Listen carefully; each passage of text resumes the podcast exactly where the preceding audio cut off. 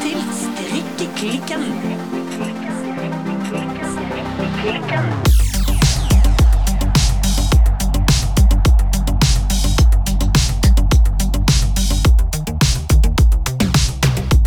Hallo, Birte. Hallo, Silje. Birtemor, Ja, hva strikker du i dag? jeg strikker og jeg strikker og jeg strikker. Det er lenge siden jeg strikka så mye, faktisk. Oi, Og hendene funker. Så bra. Ja. Så nå er jeg godt i gang med denne her sweater nummer 14 som jeg snakka om. Fra My Favorite Things Wear Nei, my... Skulle tro jeg hadde lært meg å si det by now, hæ? Ja. My Favorite Things Knitwear. Det stemmer. Det er veldig deilig å være i gang igjen og strikke. Ja.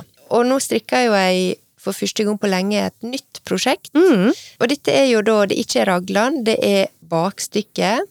Og så skal du begynne på venstre skulder, og så skal du begynne på høyre skulder, og så skal du på en måte strikke dem sammen, og så begynner du på forstykket. Eh, Det som jeg gjorde da, var at eh, jeg vet jo tydeligvis ikke forskjell på venstre og høyre. Nei, du har venstre, ikke, og den andre venstre. I hvert fall ikke når jeg strikker. Da er det et eller annet som skjer. Klarer verken å telle eller uh, alt mulig. Uh, så jeg begynte på høyre skulder. Ja. Selv om jeg las eh, venstre skulder, og ja, nå skal jeg ta venstre skulder, men jeg begynte altså på høyre. Og det merka jeg når jeg skulle begynne å, å ta ut maska til denne her halsutringinga. Da skjønte du at halsutringingen plutselig kom til å komme over eh, albuen din, og istedenfor inn mot halsen. Ja, Ja. rett og slett. Og det er et Eh, veldig teit sted å ha halsutringing. Ja, altså da plutselig skjønte jeg at her var jo det noe gale. Mm. Men heldigvis så var jo jeg så lur at jeg klarte å liksom tenke at ja, men ok, da tar jeg høyre sida først, åpenbart, og så må jeg ta venstre sida etterpå. Så du slapp å rekke opp igjen alt du hadde gjort. Ja, jeg gjorde det, for det var jo bare å hoppe litt i oppskrifta, eh, og så begynne på da høyre side, som jeg egentlig skulle ta etter venstre side. Og foreløpig, nå, altså nå er jeg kommet sånn at jeg har strikka sammen eh, åpninga, altså og fått ei halsåpning, Ja. eh, og så begynt på dette her forstykket. Ja, og halsåpningen er der den skal være. Midt på forstykket og midt på bakstykket. sant? Ja, altså foreløpig så ser det ut som at det har gått greit. Ja. Så jeg krysser fingrene for det. Og jeg må si at eh, ja, det har gått veldig bra å strikke. Jeg veit ikke om det er garnet eller om det er pinnene.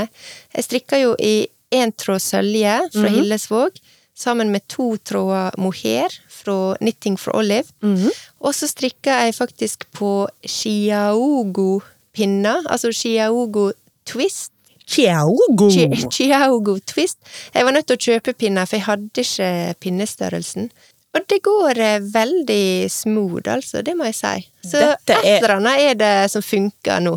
Ja, det er utrolig kjekt å høre at eh, de der duste, senebetente armene dine endelig har tenkt å ta seg en Ja, ta seg en pause med smerte, og at nå kan du få strikke som du vil.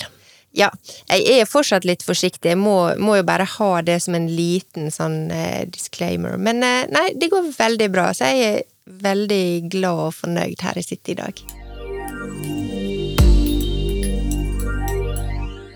Og du da, Silje? Nei, jeg har eh, strikket meg eh, si, litt ut på vide veier. Ja? altså, du husker kanskje at jeg snakket om denne her såkalte dogmegenseren, eller dogmeplagget. Det er jo fremdeles Ja. usikkert om det blir en vest, en T-skjorte eller en genser. Ja. På et eller annet slags vis. Det kommer jo egentlig bare an på når jeg stopper med ermene. Ja, for at du har jo ingen regler, det ligger jo i konseptet. Sånn at uh... I utgangspunktet var det altså Jo, det skulle jo absolutt være noen regler. Ja. Reglene skulle være at det var forbudt å rekke opp. Ja, ja det var Man det. skulle ikke feste tråder. Jeg skulle bytte tråd veldig mange ganger. Altså, Ja. Dette er jo en genser som er ekstremt inspirert av Lerke Bagger. Ja. Men uten å jeg, bruke noen av hennes oppskrifter. For jeg, jeg vet vel egentlig ikke hvor mye oppskrifter hun i det hele tatt har. Nei, det kommer jo i denne her nye boka, men, men ja, hun har ikke gitt ut så mange oppskrifter hittil. Nei. Og boken kommer jo ikke før i august, og det klarte jeg ikke vente på. Så jeg kastet meg over pinnene og restegarns eh, håper jeg, si, skuffene, skapene, sekkene og eh, kottene. yeah. Der var det mye. Og begynte å strikke. Og gode tider. Ja, altså jeg må jo bare legge til at uh, hun har jo gitt ut denne her eh, Alone Together-svetteren. Det har hun. Den Ja. ligger jo på stories, høydepunkt-stories på Instagram-siden Ja. hennes. Men det er ikke den jeg strikker. Nei, nei. Jeg strikker et plagg med høy hals, som brettes ned, og som er raglanøkninger. Ja. Og her kommer jo da problemet. Fordi, som du vet meget godt, Birte, når man strikker raglanøkninger, så har du et forstykke, et bakstykke og to skulderpartier. Ja. Og så øker du på hver, eller annenhver pinne, stort sett annenhver. Ja. Og så når du har kommet liksom til det som da vil være under ermene, Ja. der man putter deodoranten omtrent, Ja. da skal du strikke for å bakstykke sammen, og så begynner du å strikke rundt på bolen. Ja. Det jeg veldig ofte kaller for motorveien. Ja. Vom, vom, nå er vi på motorveien. Ja. Det gjorde jeg. Gode tider. La-la-la-la. Strikket Ja. med gode, vet ikke, 7-8 centimeter nedover. Vom, vom, her gikk det unna. Ja. Og så plutselig bare Nei, hva er det jeg holder på med? Jeg har jo ikke strikket for å bakstykket sammen. Jeg har jo strikket de to skuldrene sammen. Mens stikkene ut derfra, så sto for og bakstykket som om de skulle være ermene. Men det går jo ikke. Det, det går jo ikke i det hele tatt. Og som om ikke det var nok, så hadde jeg selvfølgelig brukt så mange forskjellige tråder og bare snurpet i hop, og jeg hadde bouclé-garn inni der og alt mulig. Ja. Så dette gikk ikke å rekke opp igjen. Nei. Ja, hva gjorde du da? Jeg klippet. Jeg måtte rett og slett klippe av gode 5-6 centimeter, kaste det i bosset, rekke opp litt til, fange opp, og denne gangen da klare å strikke sammen for å bakstykke. Så min dogmeregel om å ikke skulle rekke opp igjen dette arbeidet, og la alle små og store feil stå, Ja. tror ikke det, du. Nei, men altså, der må jo en definere små og store feil. Hva er det? Altså, du vil Du må jo kunne strikke noe som du kan bruke, faktisk. Ja, sant, for ok, små og store feil skal bli, men hva med enorme, gigantiske grisebommerter? Jeg har ikke Ja. sagt at de må stå. Nei, men du kan jo kanskje legge til en regel, da, som sier at det skal bli en genser du skal kunne ha på deg til slutt. Ja, det syns jeg det syns, ja, det Og syns så jeg kan er en et godt manøvrere litt etter det. Ja. Det skal også sies at jeg har så vidt prøvd dette plagget på, og det blir It's a choice. Det ser litt ut som en slags eh, ridderbrynje eller noen sånn vikingklær eller noe, så um, hm, vi får se.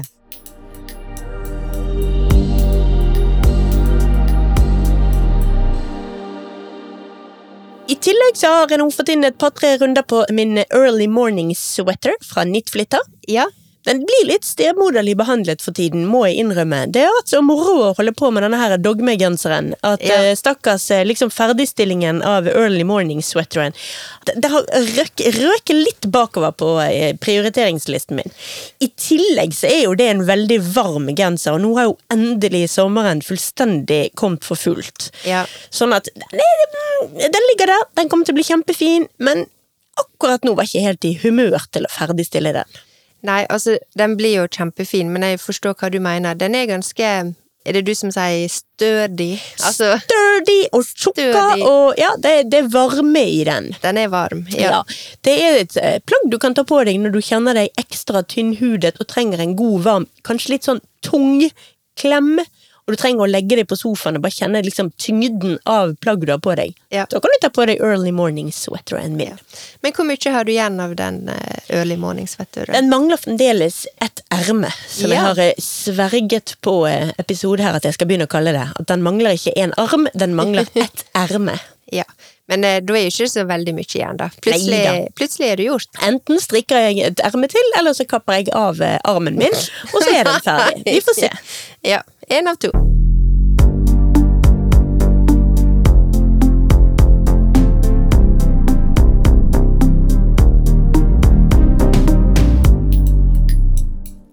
Men vi har jo vært på tur igjen, Birte. Ja, det har vi. Og jeg må jo si at eh, når vi var til Hillesvåg, Mm. så var jo det verdens verste og sureste vær. Ja, vi kjørte tvers gjennom en slags snøstorm og sludd og gugge. Ja, det var helt, eh, det var helt forferdelig, faktisk. Men på denne turen Ja. hadde vi en helt annen væropplevelse. Nå var vi så heldige med været. Ja. Det var en så fin tur. Mm, for vi kjørte til Sotra, hvor Ja. vi fikk komme på besøk til Vaid plantefageri. Nå sitter vi her eh, med Sasha på Vaid plantefargeri. Vi har kjørt fra Bergen sentrum til eh, Sotra. Over Sotrabrua, til høyre. Og Sasha, vil du fortelle litt om eh, her vi sitter nå? Ja, det kan jeg selvsagt gjøre. Altså Her vi sitter, det er jo på paviljongen i hagen vår, som jo da er hjertet av Vaid plantefageri. Fordi vi er et plantefageri, det betyr det at vi bruker planter fra hagen vår til å fage garn med. Men ikke bare planter fra hagen. Vi samler også planter ifra bakgården vår. Altså ikke bokstavelig bakgård, men vi har en lyngheir i Øygarden, da. Og der plukker vi ville vekster også til faging. Så det er liksom planter, det er hjertet av vårt konsept, da.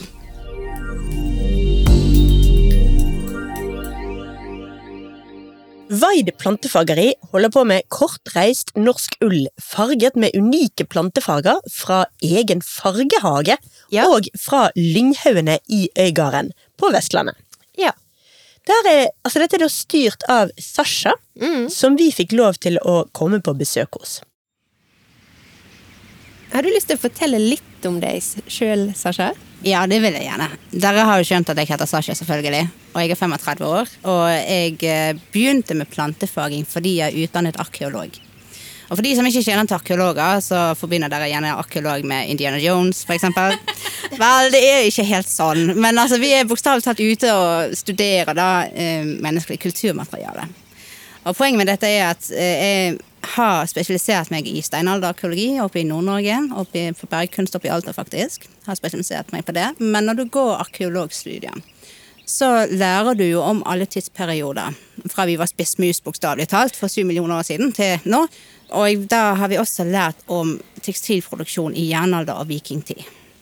Men når du har en teoretisk utdannelse på universitetet, så leser du om en bok. Og jeg har ADHD, og jeg lærer best gjennom å gjøre. Og selv om eh, mitt hjerte er steinalder, mitt faglige hjerte er det, så ble jeg veldig interessert i å lære meg dette her, hele prosessen fra sauen er klippet til ferdigfaget garn på gamlemåten. Fordi vi kan jo spore i Norge, kan vi spore plantefagen tilbake til ja, jernalder, spesielt Osebergskipet, da. Da har vi en del funn, i blant annet de her store billedvevene, da. Med eh, plantefaget tekstil, som de har blant annet brukt Vaid til å fage med. Ja, for det var jo neste spørsmål, nemlig navnet på plantefargeriet ditt, altså Vaid plantefargeri. Hva er egentlig Vaid? Vaid, det er Nordens indigo. Nordens indigo. Fortell. Ok, så Vaid kommer, mener jeg å ha lest, kommer, ble egentlig importert med vikingene. Ja. For vikingene har jo vært veldig mange rare steder etter hvert. De tok med seg en vaiplante tilbake hit som har spredt seg bokstavelig talt som ugress i den tiden. Så den begynte å ha egne grodd her vilt. Men vaiplanten som jeg har borte i hagen, som dere skal se etterpå, den eh, er ikke særlig pen. Det er ingen prydplante. Det er en fargeplante, eh, så den har jo folk sannsynligvis bare fjerna med tid og stund, som ting har blitt domestisert. sant? Så den vokser ikke vilt nå lenger, men den har det tidligere. Og vi har flere arkeologiske funn som da er farget med vaid, både fra jernalder, vikingtid og fra middelalder. Så du sa det var Nordens eh, indigo, så det regner jeg med den gir en indigo-blåaktig farge, da?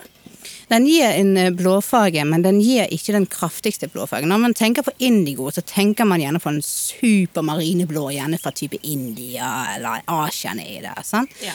Eh, Weiden den gir ikke den superkraftige eh, indigo-intense blåfargen. Den gir mer en sånn dus, eh, nesten gråblå, skyblå, men veldig, veldig, veldig fin farge. Og så har du jo da med tid og stund, som vi begynte å handle med Asia, Silkeveien og alt dette her, så kom jo da indigo, altså asiatisk og japansk indigo kom inn på markedet her i Norge. Og har da tatt over for Weiden, fordi at da fant man ut av at hei, den eh, japanske indigoen den gir mye mer farge enn hva Weiden gjør. Ja. Så da har man sannsynligvis begynt å bruke den mer, da. Og nå har det seg slik også at japansk indigo den trives godt i vårt klima. Jeg har den faktisk voksende inne i drivhuset. Så dere skal få se den også etterpå.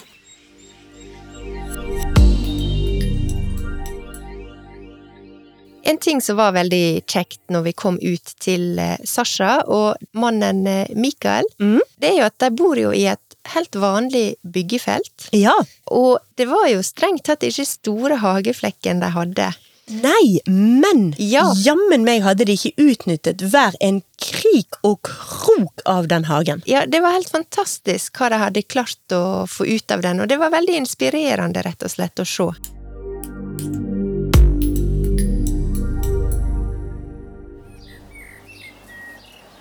Det er jo en fantastisk utsikt her, og vi ser jo på eh, innseilinga til, eh, til Bergen. Her forstår jeg at det er mye som skjer eh, hele tida. Men nå er det plantefarging vi skal snakke om. Vi har jo aldri prøvd dette her før. Vi hadde en episode om farging for en stund siden, og da sa vi det at vi skal plantefarge når det er blitt vår, når det er blitt fint, når det er frodig. Og i dag er jo vi her på en av de fineste dagene hittil i år. Så Sasha, hvis du vil bare fortelle litt hvis du er helt nybegynner, sånn som vi er, hvor skal vi starte hen da? Da bør dere starte med å lese dere litt opp på hva dere trenger til plantefaging. Fordi det er mange tenker ah, plantefaging, ja, vi trenger planter. Og det er jo helt klart, dere trenger planter til det, men dere trenger også eh, garn til, plant, eh, til, plantefaging. Og dere trenger også eh, eventuelt beisemiddel, som dere kanskje ikke vet hva er. En beisemiddel det er en type salt, noe som heter aluminiumssulfat.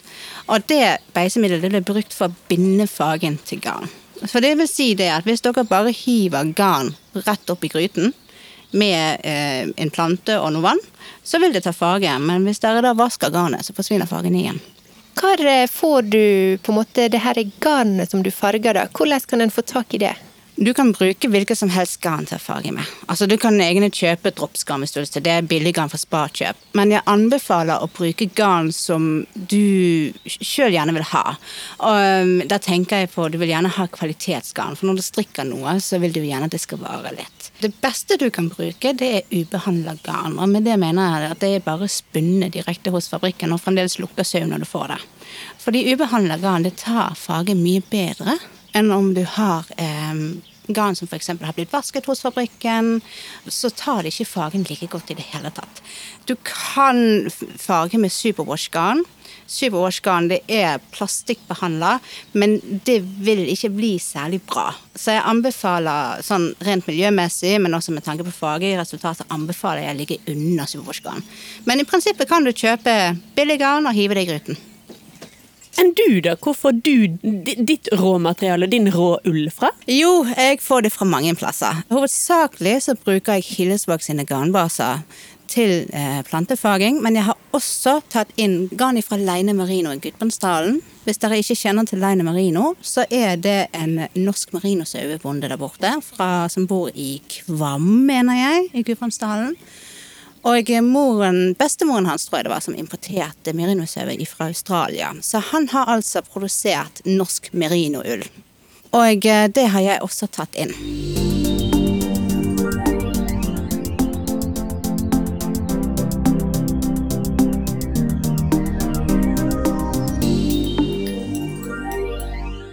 Sasha og Mikael de ga oss altså omvisning i hagen og plantefageriet. I tillegg fikk vi hjemmelaget rabarbrakompott Ja. med rabarbra plukket samme dag i deres egen hage. I denne hagen hadde de altså to hunder, to høner, en gasillion planter. De hadde utsikt over innseilingen til Bergen. Altså, det er jo ikke så veldig rart at jeg ba pent om kanskje de kunne være så snill å adoptere meg.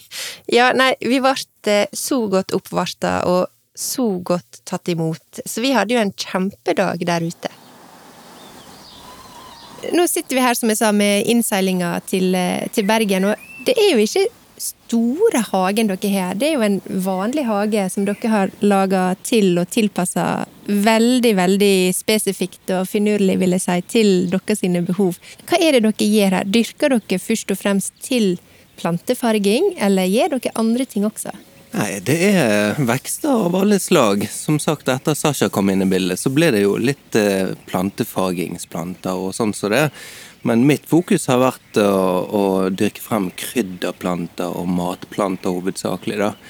Eh, så det beriket jo litt når hun kom inn i bildet. Da ble litt mer farger og Ja, Ja. litt mer diversitet, kanskje.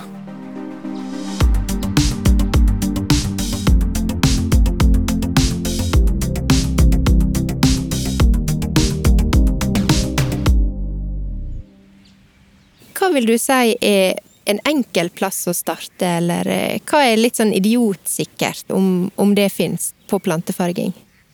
Det er et veldig godt spørsmål. Men jeg tror det at det mest idiotsikre du kan begynne med, det er faktisk eh, ja, nå er vi jo midt på Vestlandet. Jeg tenker Det som vi har lokalt, som vi har veldig mye av her, det er jo f.eks. pors. Og pors den høster du ikke nå, fordi at den har rakler. Du skal ikke høste porsen, posten mens den har rakler. Du skal høste den når den har blader. Pors? Hva er det for noe? Det er Altså, jeg vet ikke hvilken plantefamilie den er innenfor, men den ligner litt på lyng. Men den har ikke blomster. Det ser ut som en gigantisk busk, egentlig, som vokser sånn typiske sånne steder som vi er nå, ute i lyngheiene. Og den porsen, den lukter fantastisk. Altså, jeg er sikker på at han har gjort seg veldig godt i gin, faktisk.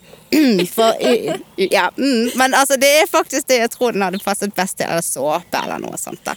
Og porsen, den vet vi også har blitt brukt av vikingene til å smaksette mjød med For eksempel, Så det er en plante vi har langt tilbake i tid.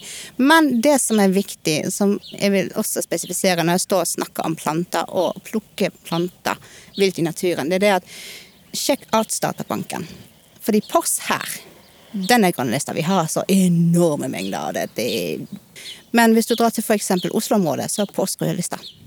Gå inn og sjekk Artsdatabanken for de plantene som du har lyst til å prøve, for det området du er i lokalt. For det er bare fordi at den porsen den vokser og er i store mengder her, så vil det ikke si at vi kan plukke den alle steder. Så derfor så er, jeg legger jeg stor vekt på det her med plukkevett. At du rett og slett plukker det som det er i overflod av. Men hvis en bruker Porsche, da, og helst eh, gjerne f.eks. i bergensområdet, hva farge får en da på garnet? Det er jo også et veldig gøyt spørsmål. fordi tingen er det at det kommer helt an på hvilken fargegarn du bruker. Og med det mener jeg bruker du hvitt eller grått garn. For du får forskjellige farger ut ifra hvilken garnbase du bruker. Hvis du f.eks. har hvitt garn, så får du gjerne type gul farge. Har du grått garn, så får du gjerne type grønn farge.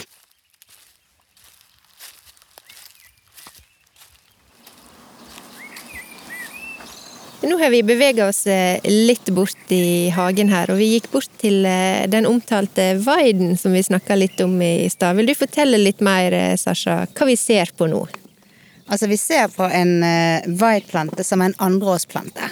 Um, og når man skal farge med white, så er det faktisk det beste å bruke førsteårsbladene og ikke andreårsbladene.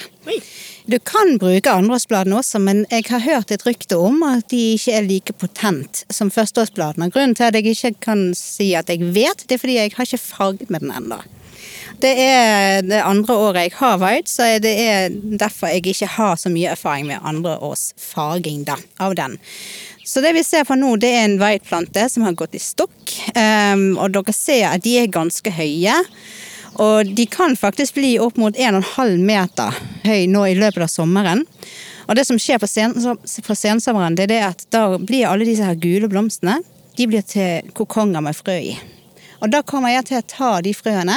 De kan du faktisk også bruke til farge, men de er på en måte så små at det ikke er vits i, spør du meg. da. Så da tar jeg frøene, og så får de lov til å så seg sjøl til neste år, og så gir jeg vekk frø til de som vil ha, eller så tar jeg vare på frøene til seinere.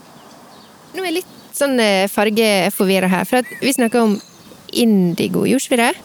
Det innbiller jeg meg er litt sånn lillblå, lilla blå-aktig. Men disse blomstene er jo gule. Eh, hvordan henger det sammen?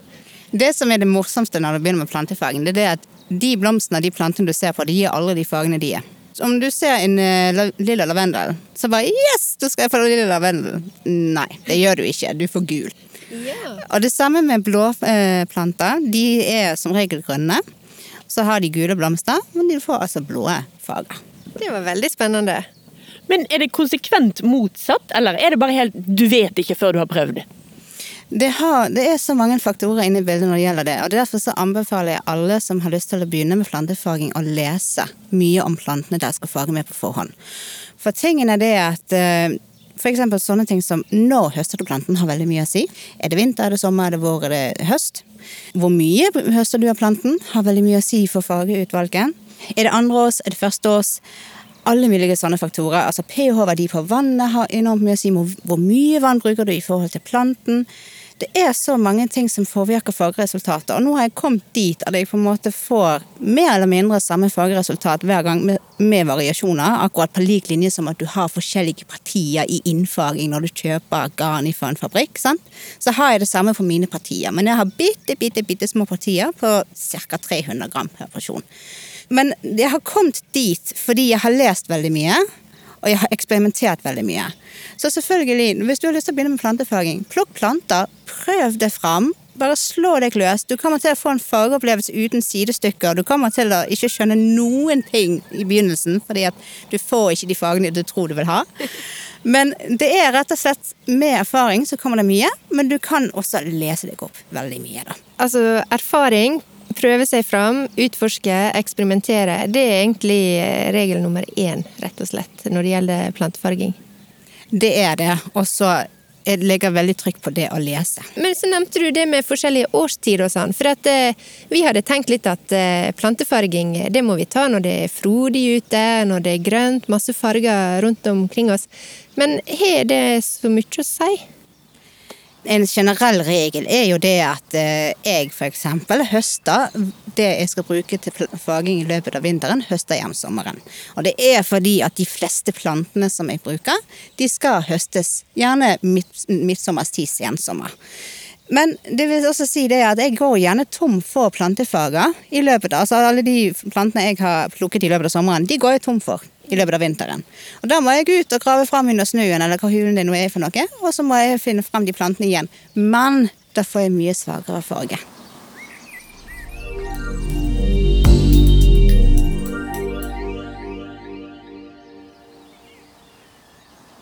Hva er din favorittplante eller favorittingrediens å farge med? Og det er helt klart indigo. Så da er vi på veid? Vi er faktisk på japansk indigo. Japansk indigo, for det er en egen plante? Ja, er, altså, denne indigofamilien er også en annen familie. Og den har vi eh, Altså, den hører til i Japan, men den trives veldig godt her i vårt klima. Men eneste er greien der, det er det at det er en ettårig plante. Så den eh, døver med en gang frosten kommer. Veiplanten den gir veldig god avkastning, eh, og den eh, gir fantastiske blåfarger, selv om japansk indigo er min favoritt, for den gir denne her dype, dype, dype blå fargen. Eh, Så er Viden, altså, den må være nummer to.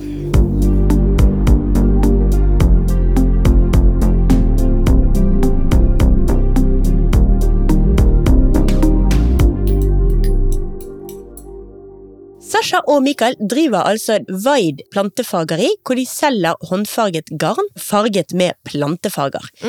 I tillegg så selger de andre ting jeg håper si, hentet fra hagen. Ja. Selvdyrket, selvtørket te.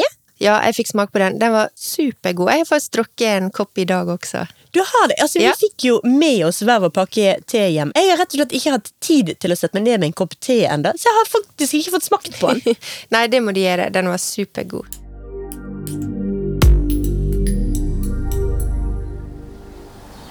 Da er vi inne i spinnestua. Velkommen skal dere være. Her henger eh, alt garnet som jeg har farget, og som ligger ute i nettbutikken, og også farger som ikke ligger ute i nettbutikken så langt. Og dere ser garnlageret mitt er her også. Det er her jeg står og jobber størsteparten av tiden når jeg ikke farger garn.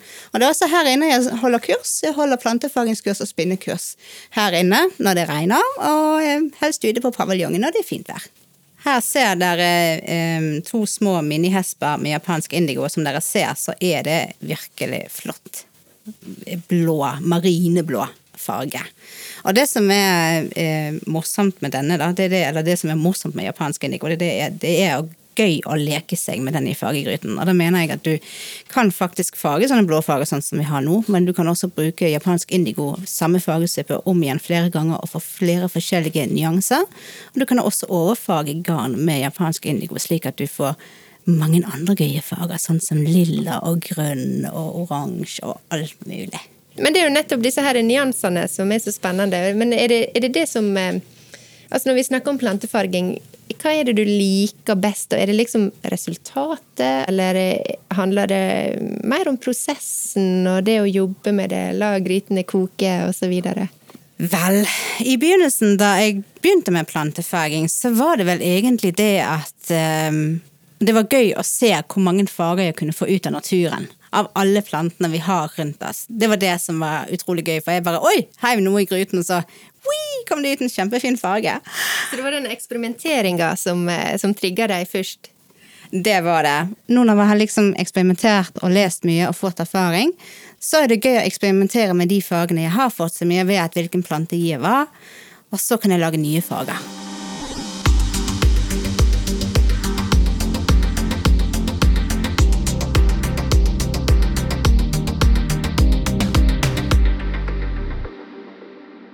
Tillegg til at Sasha fortalte oss om prosessen med å farge garn, så fikk vi faktisk lov til å prøve å farge vårt eget garn. Så nå er vi kommet til selveste plantefargingsdelen i denne store, store fabrikken Vaid plantefargeri.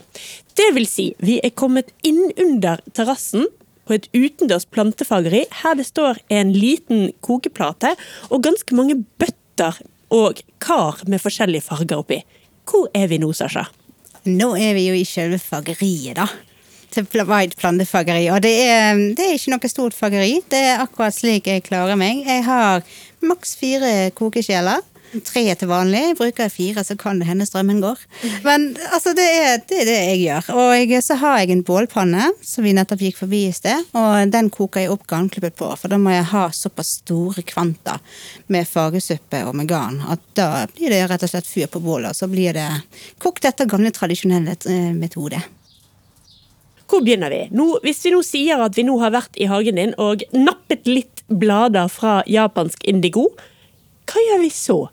Det er en veldig intrikat prosess. Det japanske nivået var det faktisk det vanskeligste i hermetegn å farge med, for det krever flere eh, ledd, i prosessen enn hva en vanlig fargeplante, sånn som f.eks. Posse nevnte i sted. Så hvis man skal ha plukket eh, japansk indigo og skal farge med den, så må den eh, legges i vann. Og den eh, skal varmes opp til ikke over 60 grader. Kommer vannet over 60 grader, så forsvinner faktisk fargen ut av fargesuppen. Så får ikke du blåfarge. Så det er ultraviktig med temperatur. Um, og så etter det så må du tilsette noe som heter natriumditionitt. Og det er et oksygenreduksjonsmiddel. Altså det er noe som samler indigoen i fargesuppen. Derfor forklarer jeg det på en grei måte. Og når du har tilsatt det middelet, så må du ha oksygen inn i vannet for å få en kjemisk reaksjon med bladene. Og det gjør det ved å helle suppen frem og tilbake mange ganger til fargesuppen går fra gul til blå. Og så er du klar til å farge etterpå. Men det er en prosess som tar lang, lang tid. Men nå må jeg bare spørre. Så du står og heller en suppe fra en bøtte til en annen, frem og tilbake, frem og tilbake, og så bytter den farge? Ja. Når du da kommer i kontakt med luften, så vil den bli til en blåfarge. Og det vil du også merke nå når dere skal farge garn. Dere har fått hvitt garn som dere skal farge. Og dere vil se det når dere legger det opp i fargesuppen, så vil det bare være hvitt eller gult. Men når dere da tar garnet ut av gruten, så forandrer det farge i kontakt med luft. Og det er det man kan kalle ekte garnmagi. Så eh, luft er rett og slett en veldig viktig ingrediens når en farger. Ja, det er det, men det er kun viktig når det gjelder japansk indigo og void. For det er en helt annen metode på de to plantene enn hva annen type plantefarging er. Alt annet utover indigo og void så er det egentlig bokstavelig talt bare å plukke med seg pors hvis du har lyst til det, og fylle inn kjele, koke opp suppen og la den fosskoke en times tid.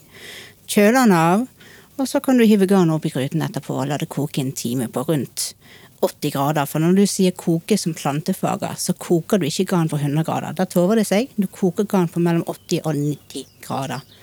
Og det gjør du en times tid, og når da den timen har gått, så slår du av platen, og så har du en farge. Men denne her beisen, hvor hen kommer den inn i prosessen? Det kan du også gjøre på forskjellige måter. Når jeg har kurs her, så forbeiser vi garnet. Det vil si at vi beiser garnet før vi hiver det opp i fargesuppen. Så da bruker vi en hel dag på å forberede det garnet til beising. Koker opp suppen på samme måte som vi gjør med en fargesuppe. At vi varmer opp suppen til Eller beisesuppen, la oss kalle det det, da til 80 grader, så koker det en time, og så skrur vi av platen. Og så er det klart for fargegruten med fargesuppe etterpå. Her er det mange supper. Garnsuppe, fargesuppe, beisesuppe. Veldig gøy. Ja, det er veldig mange supper. Nå står vi jo her med eh, flere forskjellige supper. Dere ser jo tre bøtter som står her med forskjellige rødfarger. Det er i prinsippet samme eh, materiale jeg har farget med her, og det er faktisk insekter. Eh, insekter jeg ikke sjøl har, selvfølgelig. Jeg går ikke og fanger insekter i luften og farger med det. Men eh, for å få kraftig rød farge, så bruker jeg innimellom insekter så lenge jeg ikke har krapprot, som er en farge. Eller en plante jeg har voksen i hagen som også gir rødfarge. Men den gir ikke den samme type rødfargen som den vi ser i bøtten. Så da bruker jeg insekter til de eh, fargesuppene som er i bøtten. Og grunnen til at de er skilt fra hverandre, det er fordi at det er tre forskjellige partier som har blitt farga. Og den eh, type insekt gir veldig, veldig sterke farger. Så da kan du bruke den suppen mange ganger om hverandre til å få flere nyanser. Og det er veldig gøy å leke seg med.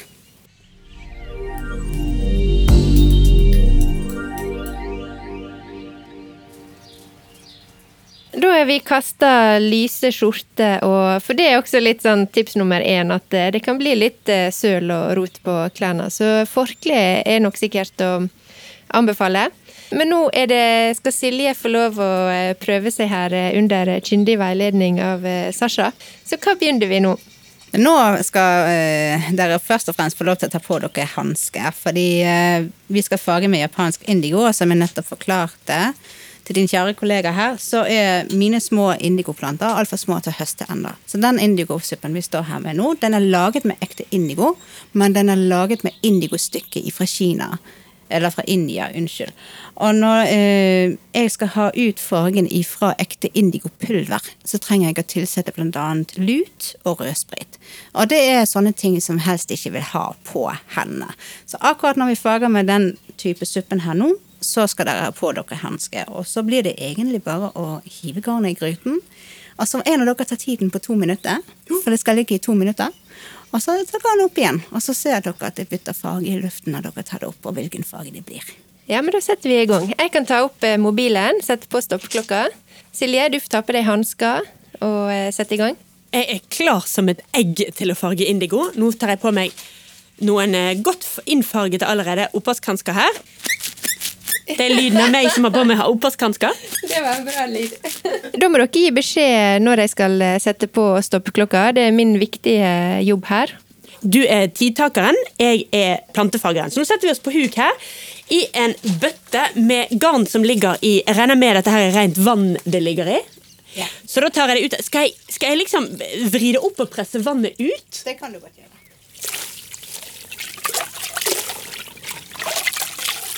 Nå presser jeg vannet ut av et ganske jeg tror det er et ganske lite hespe med hvitt naturfarget garn. Skal vi se. Nå er jeg litt usikker på hva jeg holder på med, så nå eh, tenker jeg at nå har jeg presset ut nok vann. Da er vi klar for første Nå skal det opp i fargesuppen. Så er det lurt at du eh, ikke hiver det oppi sånn klumpete som du har det nå. Nei, jeg skal kamme det og riste det litt, så jeg ikke har noen floker på garnet. Nei, Det er nå én ting, men hvis du hiver det oppi når det er sånn, ligger i en klump sånn som du har gjort, eller sånn som det var, så vil du ikke få en jevn farge. Nei, jeg må jo også si Det lukter altså så godt av ubehandlet vått ull. Men nå går det i gryta. Er dere klare? Er du klar med tidtakeren, Birte? Er det da vi skal ta tida? Fra jeg slipper dette opp i gryta, så skal det gå to minutter. Mottatt.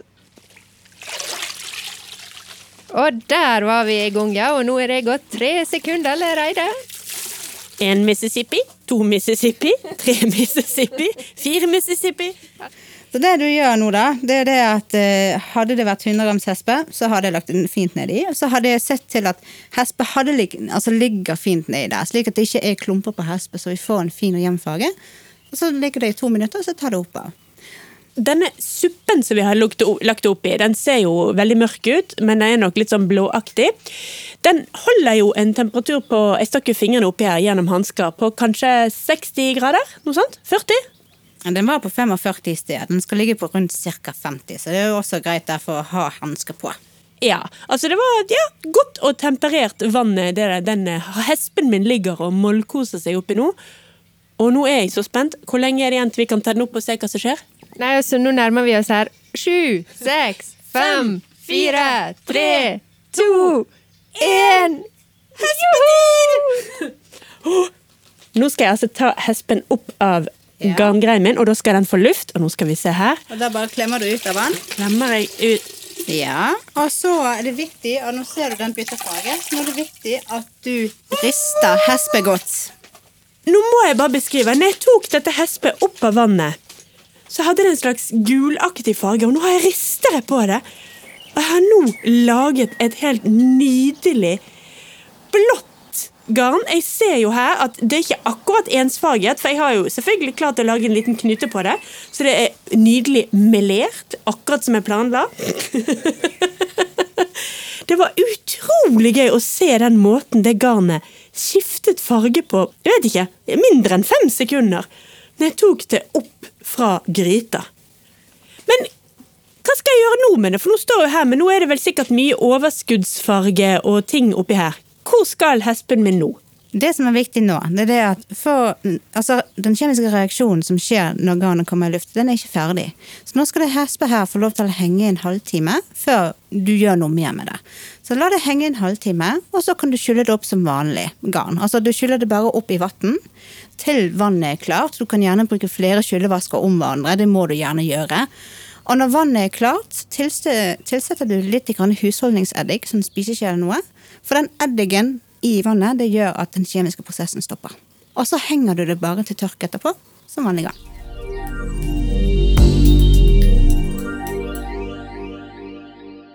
Snille og vennlige Sasha og Mikael. I tillegg til å ta godt imot oss, så var de jo faktisk så greie at de også ga oss en giveaway. Ja, til alle lytterne våre. Ja, Så der må vi bare anbefale folk å gå inn på vår eh, Instagram-side. Gjerne lik og del, og følge instruksene på konkurransen her. Og så kan dere vinne det garnet som Sasha beskriver nå. Ja, da kan dere altså vinne et stort fullt hespe på 100 gram med sølje pelsullgarn. Og så kan dere vinne to små eh, hesper på 50 gram hver, altså 100 gram totalt, da, med Vilje lammullgarn. Og de to garnene de går om hverandre, så det er samme strikkefasthet. Så det er altså 25 masker på 10 cm, og eh, sølje pølseorgan har 350 eh, levemeter på 100 gram, og så har du Vilje lammullgarn, det er 375 meter på på 100 gram. Så du får ganske mye ut av disse her hespene. da. Og det som er litt spesielt med de hespene, det er at det er tre nyanser, men det er alle sammen farget med det samme. Så det er farget med lyng, og det er farget med indigo, sånn som dere har farget med i dag. da. Så det kan jo representere deres besøk her, og så kan det jo også representere, eller vise, hvor mange nyanser du faktisk kan få med japansk indigo og lyng. da. Vi legger selvfølgelig alt dette her ut på Instagram. Der får du også se garnet som vi fikk fra Sasha, fra Vaid plantefargeri. Og jeg vil jo også da bare presisere at eh, vi reiste jo ut til eh, Vaid plantefargeri for å få oss et lite kurs. Ja, Få litt kunnskap og tips om, Og inspirasjon. ja, om plantefarging. Så det gjorde vi på eget initiativ. eh, men giveawayen den er i samarbeid med Vaid plantefargeri, for den er sponsa av Vaid plantefargeri. Ja. Med andre ord, vi har helt redaksjonell råderett sjøl, men ja, vi gir vekk en sponset gave. Ja. Det var det vi hadde fra Vaid plantefargeri. Men Ja. vi må jo også tilbake til en av våre faste spalter, Birtemor. Strekkeklikken tipser. Tante Silje Nei, jeg vet ikke hva jeg skulle kalle det. Silje mor. Birte, ja. hva vil du tipse om i dag? Du, jeg hadde lyst til å tipse om eh, Der er jo en eh, garnbutikk i Oslo som heter garntopia.no. Ja, Den heter vel strengt tatt ikke garntopia.no, den heter Garntopia. ja det er litt uh, rundt 2000 å hete .no Ja, på liksom skiltet over det. butikken din. det heter ikke det. Nei, um, men for oss i Bergen så heter ja. den garantopia.no. Du har rett i det. Det var, jeg tror det var det som slo inn. Men der, for uh, en liten stund siden, så fikk de inn det her garnet fra Gjellholts ullspinneri. Ja, Som er jo da et familiedrevet ullspinneri på Sydfyen. Og da er vi altså i Danmark. Ja, Deilig Danmark. Vi er i Danmark. De har holdt på siden 1878. Den siste tida så har jo det kommet en del oppskrifter der en bruker garn fra Gjellholts ullspinneri. ullspinneri. Det har vært mulig å få tak i fra Norge, men det har vært ganske utilgjengelig, og det blir ganske dyrt å bestille fra Danmark. Ja, for da kommer jo selvfølgelig all frakt og toll og, oh, Ja. og alt man må lære seg. Ja, det kommer på masse forskjellige greier. Så jeg ble veldig glad når jeg så at eh, de nå har fått inn eh, garn fra Gjelholts eh, på Garntopia.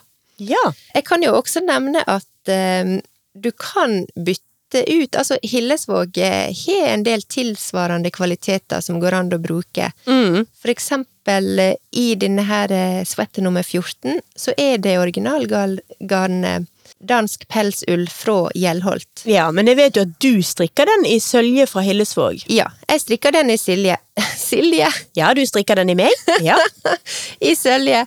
Så det går selvfølgelig an å ha alternativ, men eh, jeg syns jo det er veldig kjekt eh, med garn fra et spinneri med så lange tradisjoner. Så jeg har veldig lyst til å sjekke det ut en eller annen gang. Så det var egentlig mitt tips. Eh, Gå inn på garntopia.no og sjekk ut eh, utvalget fra Gjelholts ull, ullspinneri. Og du da, Silje, hva vil du tipse om i dag? Ja, altså Jeg vil gjerne tipse om noe som for en del av våre mer øvede lyttere, øvede strikkere Ja? Egentlig ikke øvede lyttere, men øvede strikkelyttere.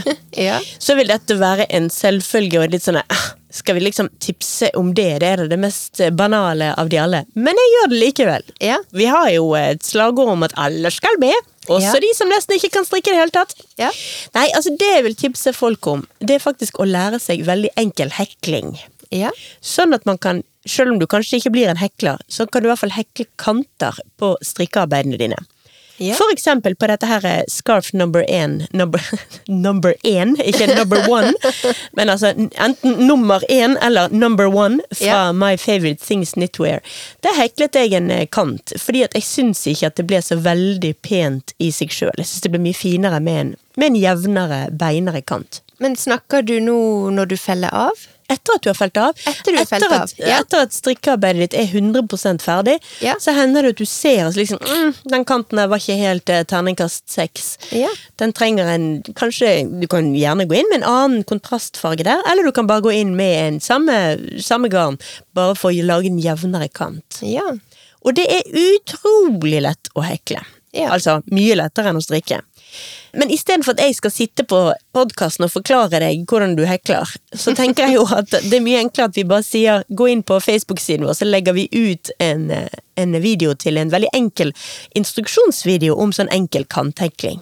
Ja, men det må nesten jeg sjekke ut, for det, det her var nytt for meg. Ja, nei, men der ser du, for dette kan redde mangt et uh, lurvete arbeid. Så ser det så proft og flott! Få det så fin finish, liksom. Ja, men Det høres ut som et supertips.